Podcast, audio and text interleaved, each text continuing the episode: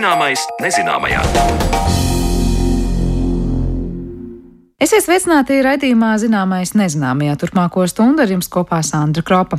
Šodien raidījumā pievērsīsimies tam, kā mēs nonākam pie zināšanām. Precīzāk runāsim par kliniskajiem pētījumiem, to lomu un nozīmi, lai meklētu risinājumus vēl līdz galam neskaidrām problēmām medicīnā. Kā tie notiek un cik konkrēti un cik lielā mērā dažādu starptautisku pētījumu norisē iesaistās arī Latvijas zinātnieki, to skaidrosim raidījuma otrajā daļā. Taču pirms tam stāsts par kādu vēl interesantu pētījumu. Jau pavisam drīz runāsim par to, kas ir kliniskie pētījumi un kā tajos iesaistās arī Latvijas iedzīvotāji, bet pirms tam atkārtot ieklausīsimies, kā mūsu zinātnieki strādā pie jaunu materiālu, kurš pilnvērtīgi funkcionē mūsu organismā. Viela, ko iepilda cilvēka kaulos un kur veicina tur esošo audu veidošanos, šādu materiālu ir izstrādājuši Rīgas Tehniskās universitātes zinātnieki. Par to, kā šis process notiek un kā organismā darbojas mākslīgi radītā kaulu viela, plašāk Zanis Lācis veidotajā stāstā. Bet. Tad tagad jūs no ielietas, tas, ir, tas nav ūdens. Jā. Ir caurspīdīgs šķīdums. Tā ir skābe. Tad ar pipeti piepilināt klāt tur pie tiem kalcija un uh, fo, jā. fosfātu joniem to skābi. Jā, mēs redzam, ka mm -hmm. šie reaģenti šobrīd izšķīs. Jā, ūdens iegūm... paliek, tas šķīdums paliek jā, caurspīdīgāks. Paliek, kļūst caurspīdīgs. Tad, tad šī reakcija šī, šī konkrētā materiāla gadījumā ir tāda strauja ļoti strauji notiek. No malas tas izskatās vienkārši. Kalcija un fosfāta maisījumam pieliek klāt šķīdumu, to samaisa, un tas jau ir solis tuvāk vielai, kura pēc tam tiks ievadīta kaulos un tur darbosies kā ierosinātājs jauniem kaulaudiem. Rīgas Tehniskās Universitātes Rudolfa Cimdiņa Rīgas biomateriālu inovāciju un attīstības centra doktorante un pētniece Jana Vecstaudža par šo savu darbu pagājušajā gadā saņēma L'Oreal stipendiju sievietēm zinātnē proti par pētījumu projektu saistībā ar nanostruktūrēta un biomimētiska amorfa kalcija fosfāta biomateriāliem kaulaudu inženierzinātnēm. Janas pētījuma mērķis ir radīt un pētīt kaulu pildvielu granulas, kas ir veidotas no amorfa kalcija fosfāta. Darbu pie tā Jana Vecstauģa kopā ar kolēģiem jau sāka 2014. gadā. Tā tad neliels ieskats šajā procesā, pie kā strādā jaunā zinātniece.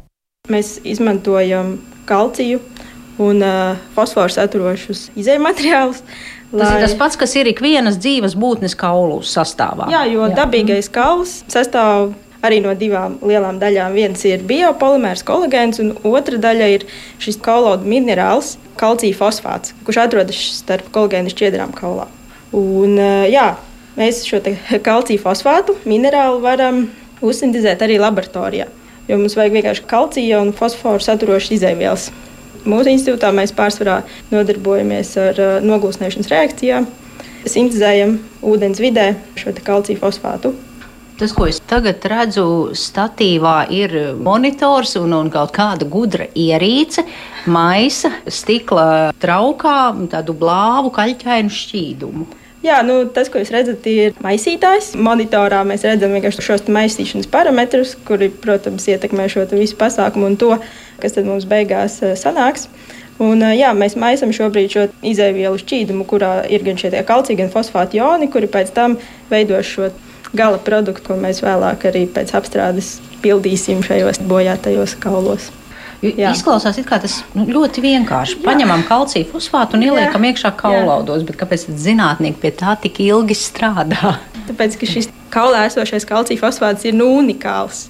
Un būtībā viņu nokopēt ir tik ļoti grūti, jo viņš nav tāds konkrēti noteikts, viņš mainās, jo viņš atrodas dzīvos audos.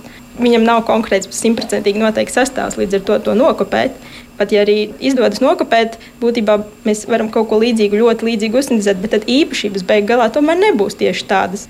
Ja mēs ieimplantējam šo kalciju fosfātu, piemēram, kaut kāda produkta veidā šajā kaulaudu defektā, bojājumā, ar laiku šīs kaulu šūnas šo materiālu lēnām ārda nost, šķīdina un tad atkal izmanto, lai tajā vietiņā rastos jauns dabīgais kauls. Vienkārši aizstāja lēnām šo mākslīgo materiālu, ko mēs esam uzsintēzējuši laboratorijā pats organisms lēnām aizstāja.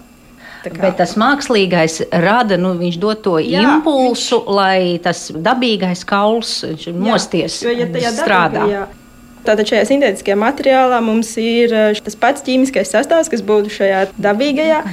Un būtībā tas vienkārši ir šīs rezerves, kalcijs un fosfāti, lai tur saveidotos. Plus, ja mēs vēl pievienojam klāt kaut kādus eh, nelielos daudzumos citus elementus ķīmiskos, piemēram, magnīju, stronciju, kuri arī veicina šo veidošanos, pātrina, lai šo procesu arvien vairāk kā, tuvinātu reāliem procesam, kāds ir organismā. Jo arī dabīgais kauls, būtībā tas kauls, kā ar kādu mēs piedzimstam, tas nav mūsu visu dzīvi. Viņš ļoti lēnām visu laiku nomainās, noārdās, un pēc kaut kāda laika posma mums ir būtībā jauns šis kauls. Tas ir šīs kaulu šūnas.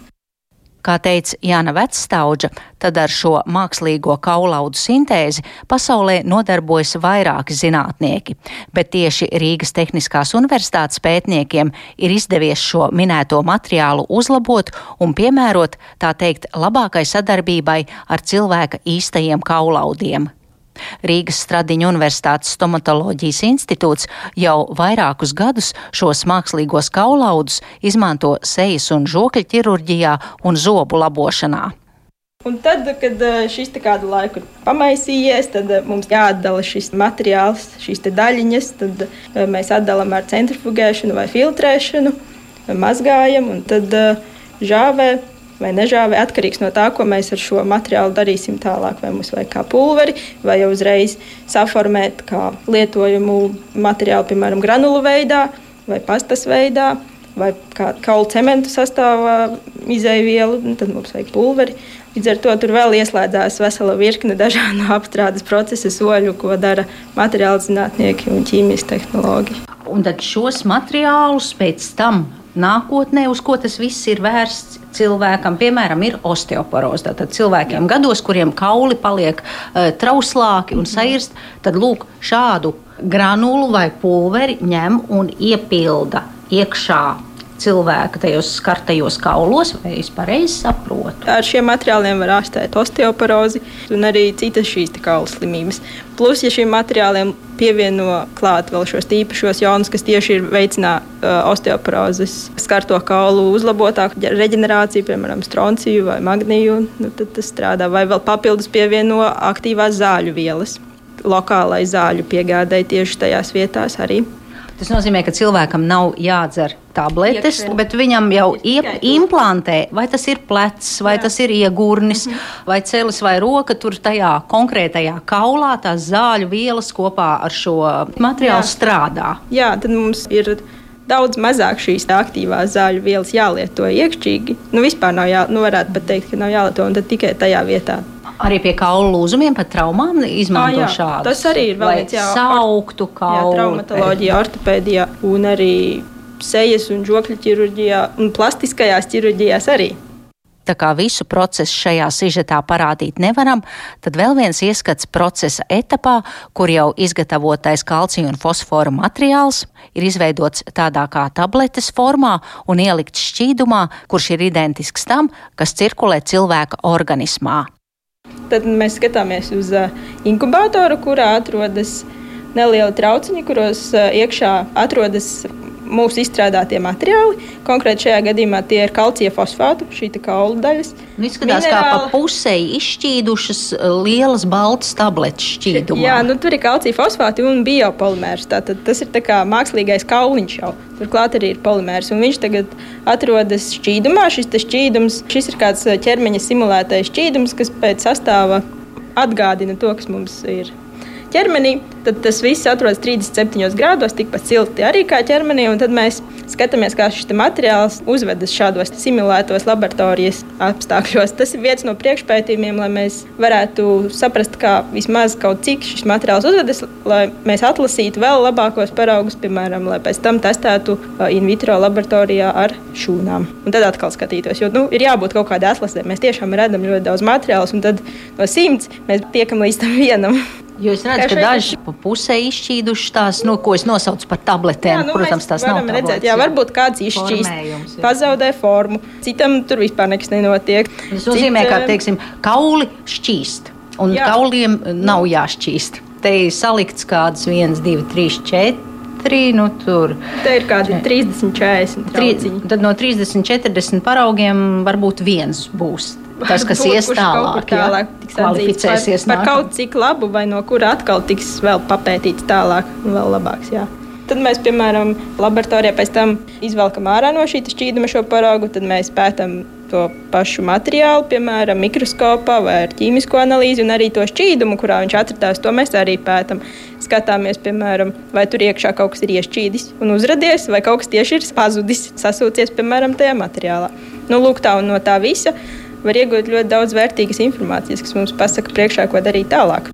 Par mākslīgi radīto kaulu vielu, kas veicina kaulu audu veidošanos, stāstīja Rīgas Tehniskās Universitātes Rudolfa Cimdiņa, Rīgas biomateriāla inovāciju un attīstības centra doktoranta un pētniece Jāna Vectauģa, un ar viņu sarunājās mana kolēģe Zāne Lāca. Bet par to, kā notiek klīniskie pētījumi, mēs parunāsim raidījuma turpinājumā.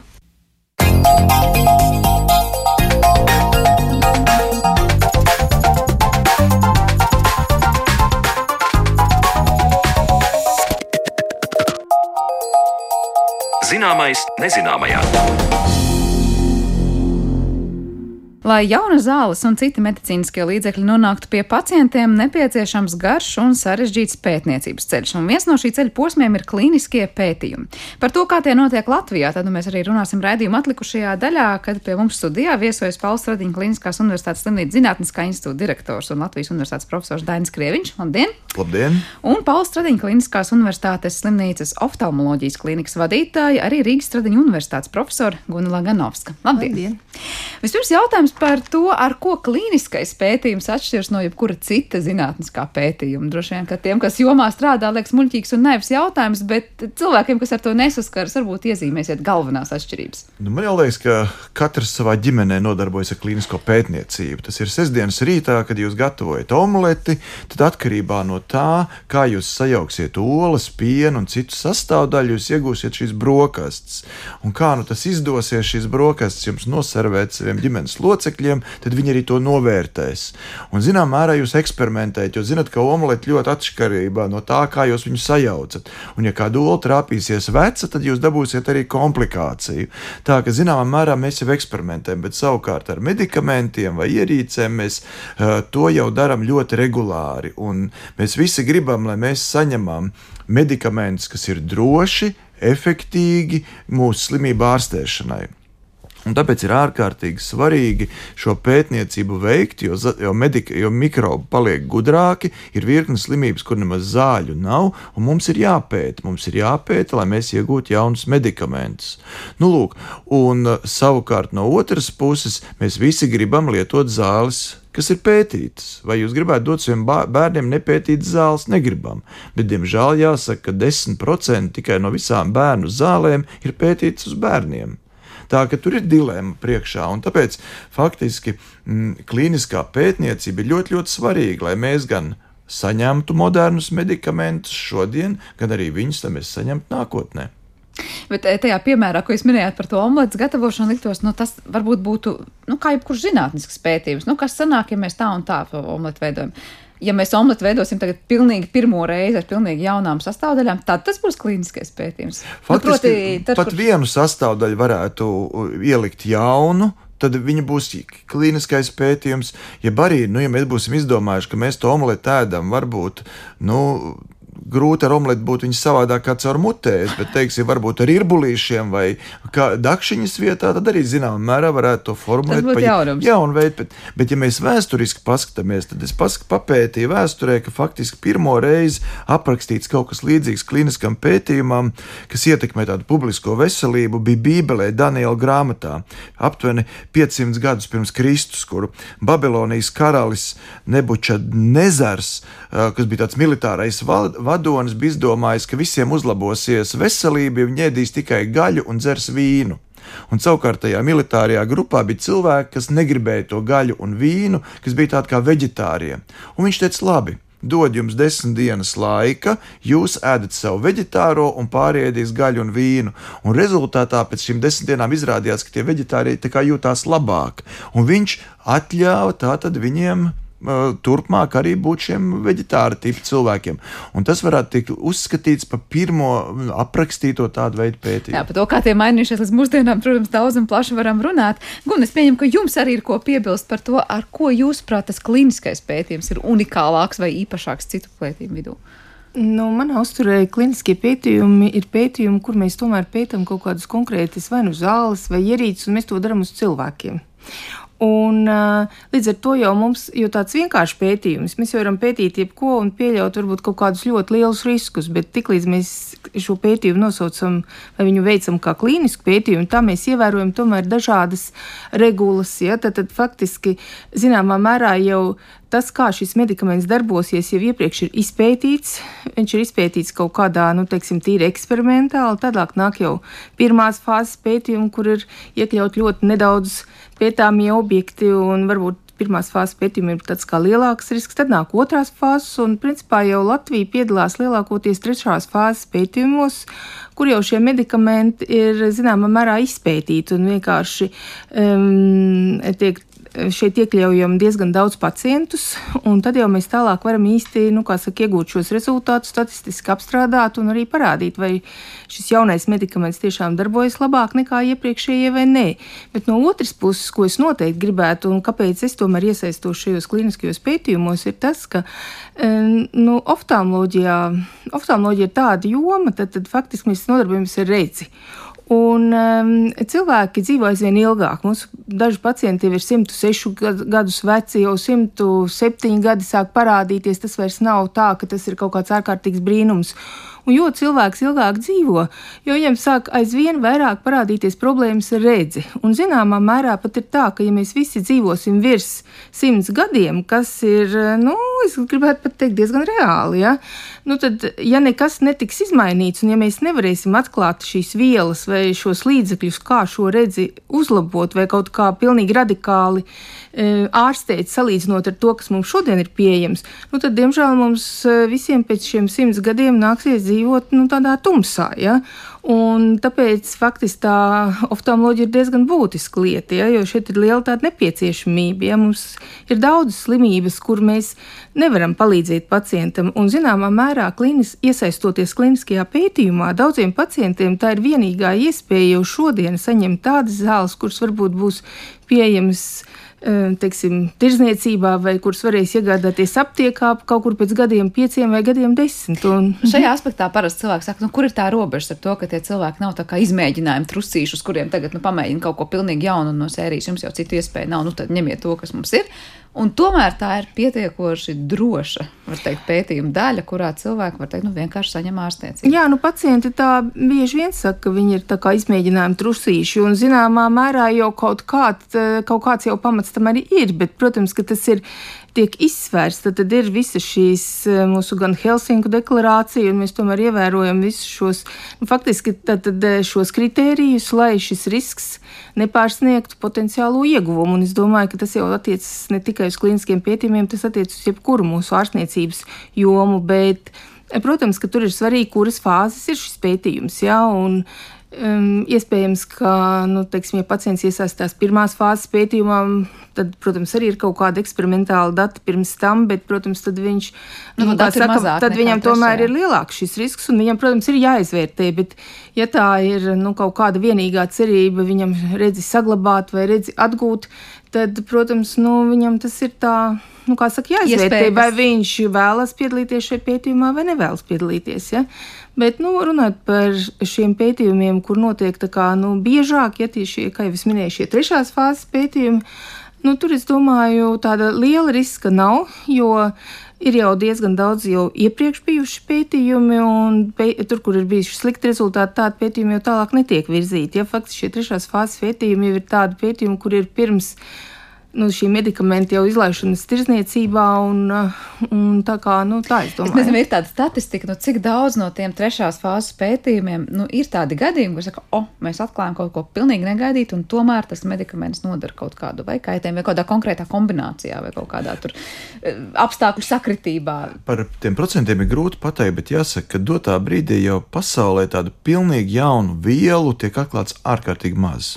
Lielākoties jau tajos pētījumos staipa vienu un to pašu formulu jaunām indikācijām, jeb jaunu slimību ārstēšanai, vai, kā jūs teicāt, jaunām kombinācijām, bet tādu pilnīgi, pilnīgi jaunu medikamentu ir ļoti, ļoti maz. Un šī pilnīgi jauna medikamenta attīstība no šīs molekulas izdomāšanai līdz aptiekai parasti ir 15 līdz 20 gadi.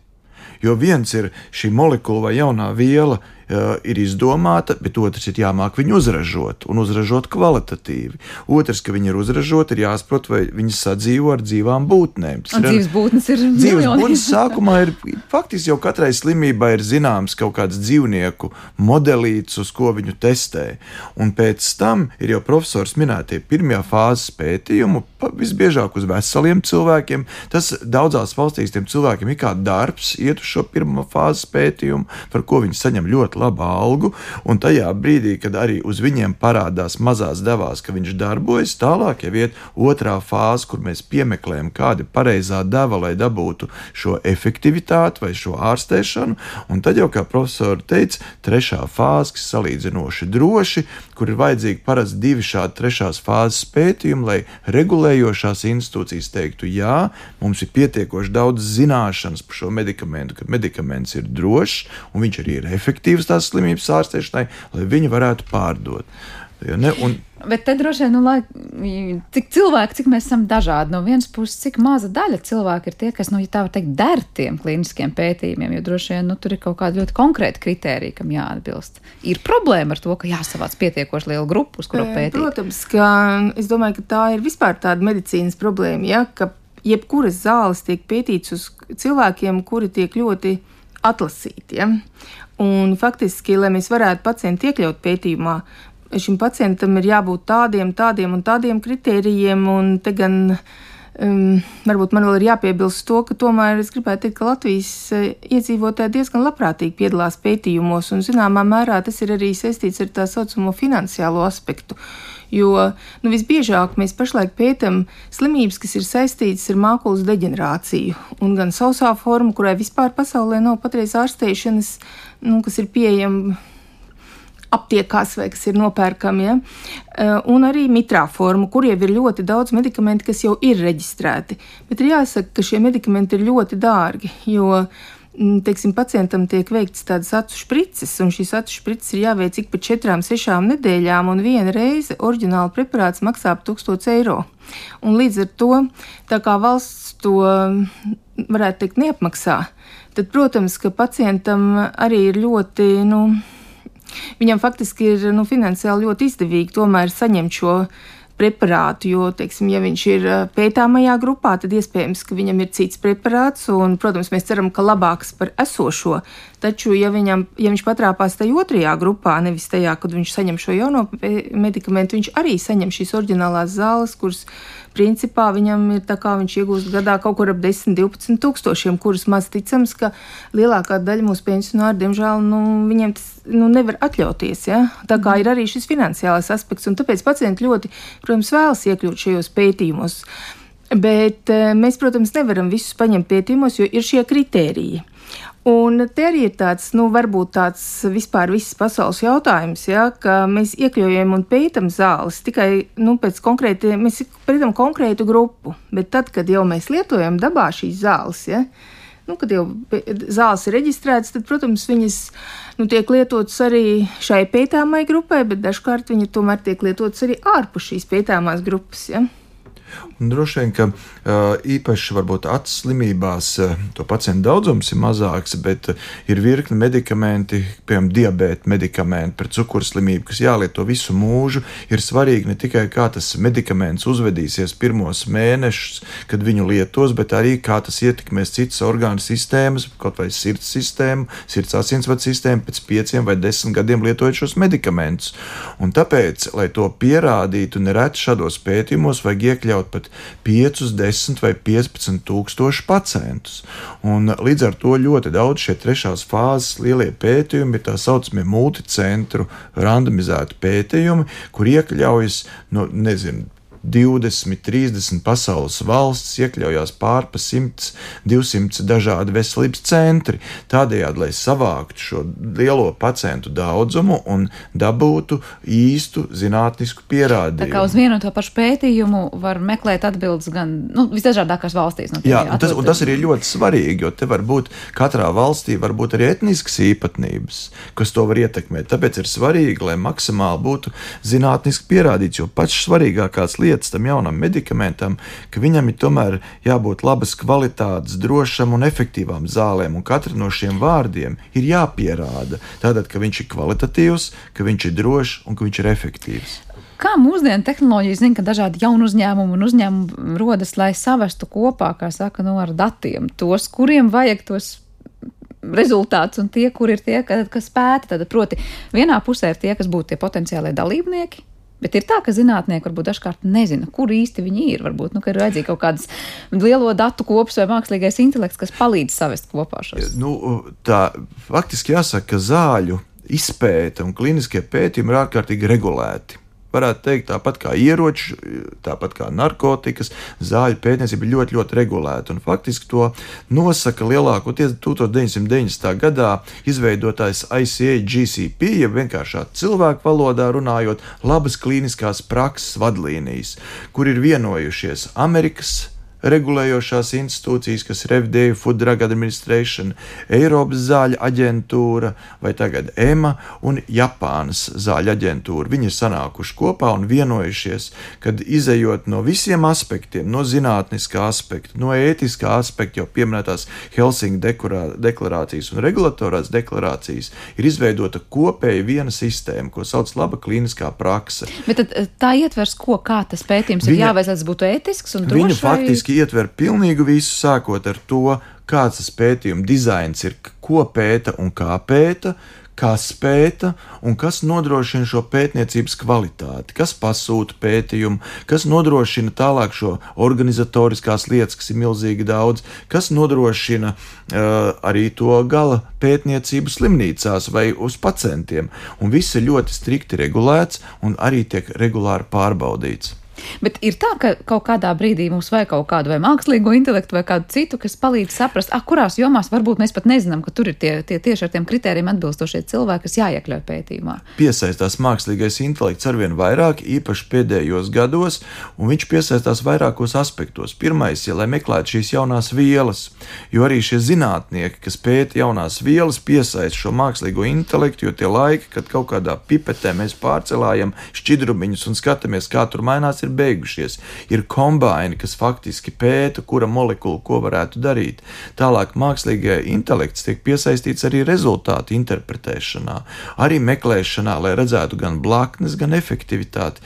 Un es ticu, ka nākošos 5, 10 gadus ar vien vairāk šī mākslīgā intelekta vajadzība un izmantošana būs, lai gan padarītu šo procesu efektīvāku, gan arī lētāku. Guni, jūs pirms brīža teicāt, ka Latvijā nu, diezgan uh, atsaucīgi ir cilvēki, var teikt, tiem kliniskiem pētījumiem. Kāda ir tā mums aina, vai kurās jomās vairāk tie notiek, un kurās jomās to cilvēku ir visvairāk, kas mums tā kā ir gatavi piedalīties? Nu, teiksim, oftalmoloģijā mūsu pētījumi, kuros mēs piedalāmies, protams, pasaulē eksistē visdažādākie mm. pētījumi, bet varbūt Latvijas oftalmologi vairāk piedalās tieši, kā jau minēju, šīs tīklenes uh, dažādos slimību pētījumos un tāpat arī glaukomas pētījumos. Uh, Un ir jāsaka, ka nu, vismaz mūsu slimnīcā tāda atsaucīgāka ir tieši šie tīklenes distrofiju pacienti, jo, kā jau es sacīju, tāda ārstēšanās um, pati par sevi ir diezgan padārga. Un līdz ar to, ja pacients piedalās kliniskajos pētījumos, principā viņam tiek, uh, nu, pirmkārt, viņam ne par ko nav jāmaksā, ne par konsultācijām, ne par uh, ne par, eh, un dažkārt pat, ja pacients tālu dzīvo, viņam pat kā, tiek jau kompensēts arī šie ceļi izdevumi. Bet viņam ja? vēl maksā papildus kā darbu? Kā Nē, kā darbā tas uh, nav iespējams, ja, jo tas. Uh, nu, principā, tas iespējams pat, ka to kaut kādā veidā varētu sakārtot, bet uh, tas ir diezgan sarežģīti. Katram pacientam būtu jāreģistrējās kā darba ņēmē. Nu, vispār tāda praksa netiek uh, praktizēta. Bet ja? tas Latvijā vai pasaulē? Uh, pasaulē mhm. laba klīniskā praksa vai arī šie noteikumi, kārtības noteikumi faktiski ļauj, un to arī dara, maksāt pirmās fāzes pētījumos, kur cilvēki iet kā uz darbu, un bieži vien ir vajadzīgi tie voluntieri vai veselie cilvēki. Savukārt, cita līmeņa pasāku pētījumos šī maksa nav atļauta, jo tas var ietekmēt pētījumu rezultātu. Un kā mēs runājam, ka mēs jau gribam, lai tiešām tie medikamenti ir godprātīgi izpētīti un rezultāti un efektivitāte ir zināma, bet ja kādam maksā, tad viņš varētu slēpt komplikācijas, viņš varētu slēpt kaut kādus mm -hmm. rezultātus, un tas varētu ietekmēt šos rezultātus. Tāpēc maksa nav atļauta, bet, protams, kā profesors teica, uh, atmaksāt ceļa izdevumus, varbūt kādā pētījumā arī tur maltīt apmaksā vai citus sīkus izdevumus. Jā, ja pacientam ir jāuzturas visu dienu slimnīcā, Jā. tad uh, šos ēdināšanas izdevumus apmaksā. Un, protams, ka uh, nu, tāda, teiksim, ja skatāmies no tāda drošības uh, līmeņa, es domāju, ka pacienti, kuri iesaistās pētījumos, nu, mm, ir jārēķinās, ka viņus kontrolē ne tikai visas tās institūcijas, kas kontrolē mūsu ikdienas medicīnas darbību, bet viņas vēl kontrolē arī dažādas starptautiskas organizācijas, kuras brauc pārbaudīt, vai mūsu um, izmeklējumi ir atbilstoši. Un es pat kaut kur gribētu teikt, kā es jau arī pētniecībā jau nodarbojos diezgan daudzus gadus, es kaut kur pat gribētu teikt, ka šie pētījumi ir arī tāds, nu, zināms, ārstu izglītošanas uh, pasākums, jo mēs, protams, ārstējam, kā mēs mācījāmies, un, bet tad, kad tu esi klīniskajā pētījumā, tad tu saproti, nu, kā šo slimību konkrēti ārstē Amerikā, kā viņi ikdienā ārstē Eiropā. Kaut arī mēs jau par to visu esam dzirdējuši gan kongresos, bet tad, kad mums konkrētais pacients ir, tad mēs redzam, ka šeit jāpielieto šī tabula. Tad Saka, dzīves es, cilvēks ir dzīves cilvēks. Faktiski, jā, tā kā es pat domāju, ka arī, nu, tādā, arī tas mums ir nācis par labu. Par tām jomām vēl runājot, kur par citām jomām varētu būt pie mums Stradiņas slimnīcā bez jau pieminētās oftalmoloģijas. Noteikti aktīvas jomas ir, ir, ir endokrinoloģija. Mums ir virkni pacienti endokrinoloģijā, kuri gadu desmitiem ir pētniecībā, gastroenteroloģijā. Piemēram, man liekas, kronas slimība ir viena no tām pētītākajām pēdējā laikā un vispār pēdējos gados, jo pacienti ilgstoši cieš no tā un īsti jau tādas ārstēšanas nav. Tāpēc šie pacienti ilgstoši atrodas dažādos pētījumos. Onkoloģiskie pacienti, arī e, plaušu slimībās, mums ir pētniecība, kardioloģijā ir ļoti daudz pētījumu. Kādiem rezultātiem mēs esam vairāk šobrīd tajā pētījuma daļā, vai var teikt, no tiem pētījumiem jau daudz ir vainagojušies? Nu, mēs pa šiem laikiem, ko mēs esam pētījuši, mums ļoti daudz medikamenti, kur ir pēdējo 15 gadu laikā pētīti, jau šobrīd tiek lietot kā standarta terapija, kas ir reāli jau vainagojušies ar uh, objektīviem pierādījumiem ka tas medikaments ir drošs un efektīvs, un mēs viņu lietojam ikdienas praksē. Un uh, daudz no tiem medikamentiem ir pat mainījuši vadlīnijas vai sapratni par ārstēšanu, kas arī gadu laikā mainās. Tāpēc eh, ir ārkārtīgi svarīgi ieguldījumi devuši arī Latvijas mediķi un arī pacienti, faktiski, kas laimīgi saņēmuši ārstniecību, bet tajā pašā laikā radījuši bāzi šo medikamentu varbūt ieiešanai pasaulē.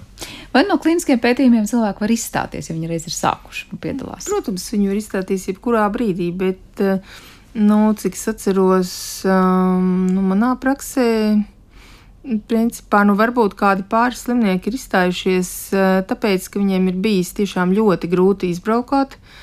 Nu, tagad izstājās viena slimniece, jo viņa ļoti baidījās no covid. Un, teiksim, bet, principā, tas notiek ārkārtīgi reti. Ja? Un tā pacienta mm -hmm. tiesības ir izstāties no šī pētījuma, un šeit vairāk tas ir tajos akūtajos saucamos pētījumos, kur ir akūta saslimšana, un pacients ļoti labprāt grib būt pētījumā, bet pētījumā parasti ir tā saucamās vizītes vai atrādīšanās arī tad, kad ārstēšanās ir beigusies, jo ir ārkārtīgi svarīgi pacientu drošību pasakot līdzi vēl nedaudz pēc tā medikamenta. Un tad kādreiz pacients saka, nē, nē, nu es man makšķerēšana ir svarīgāka vasarā nekā te jums braukt no Daugopils uz Rīgu atrādīties. Un tad varbūt ir mazliet bēdīgi, jo tas ir pacienta interesēs arī apskatīties, kā pēc tam ir. Bet kur ir tā robeža, ka varbūt sāks kliniskais pētījums, un tad pētījuma gaitā nu, lielākā daļa dažādiem iemesliem dēļ izstāsies?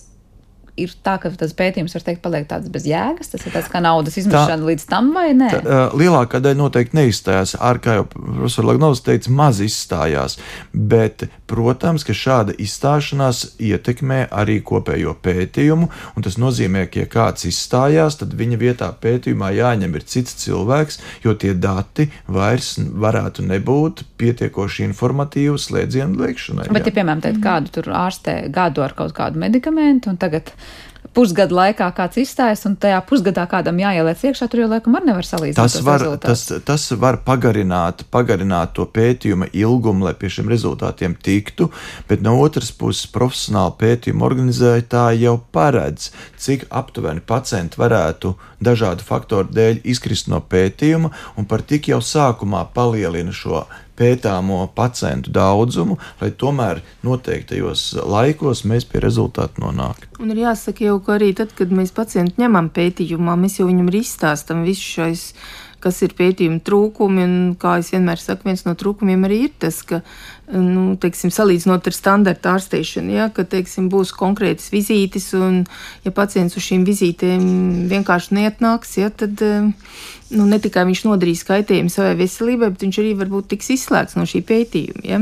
Bet man gan ir jāsaka tas, ka, nu, cik mēs arī salīdzinām ar Amerikas pacientiem un, un, un arī tādām attīstīto rietumu valstu pacientiem, kur arī piedalās šajos pētījumos, mūsu pacienti vispār ir ļoti nu, tādi kārtīgi. Ir jāsaka, ka ļoti reti ir pacienti, kuri piesakās pētījumā, un tad viņi pēkšņi vienkārši tā nenāk. Ja tas principā ir Tā kā es gribētu arī teikt, ka mums tomēr cilvēki mums ir ļoti kārtīgi. Ja? Tam varētu mhm. piekrist. Un arī pētnieki mums mm -hmm. ir ļoti mhm. labi, jo būsim arī godīgi, ka faktiski uh, tie pētījumi jau uz Latviju nemaz vairs daudz nenāk, jo tas, kā sākumā teica, vai ir teikts, tā ir banānu valsts, kur šie pētījumi notiek, tā, tā nav taisnība. Faktiski klīniskā pētniecība ir attīstīta valstu privilēģija. Un ļoti daudz valsts vēlās, lai šie pētījumi nāktu, jo tas ir iegūms pacientiem, ir iegūms veselības aprūpei, ir ieguvums mediķiem, kas gan palielina savu kvalifikāciju, gan finansiāli no tā iegūst, un ir uh, faktiski ieguvums visai tai tautsēmniecībai. Es tieši gribēju jums vaicāt par to, no kurās valstīs veids tos pētījumus, jo no vienas puses mums liekas, tas viedoklis valda, ka to var atļauties tikai bagāts un, un labklājīgā nodrošināts valstis. Un citreiz atkal cilvēki domā, nu jā, tur izmēģinam Indijā, kur daudz cilvēku, tur viss pēc kārtas, un tur nu, gandrīz vai var tik ļoti neievērot visus tos principus. Kā tad īsti ir?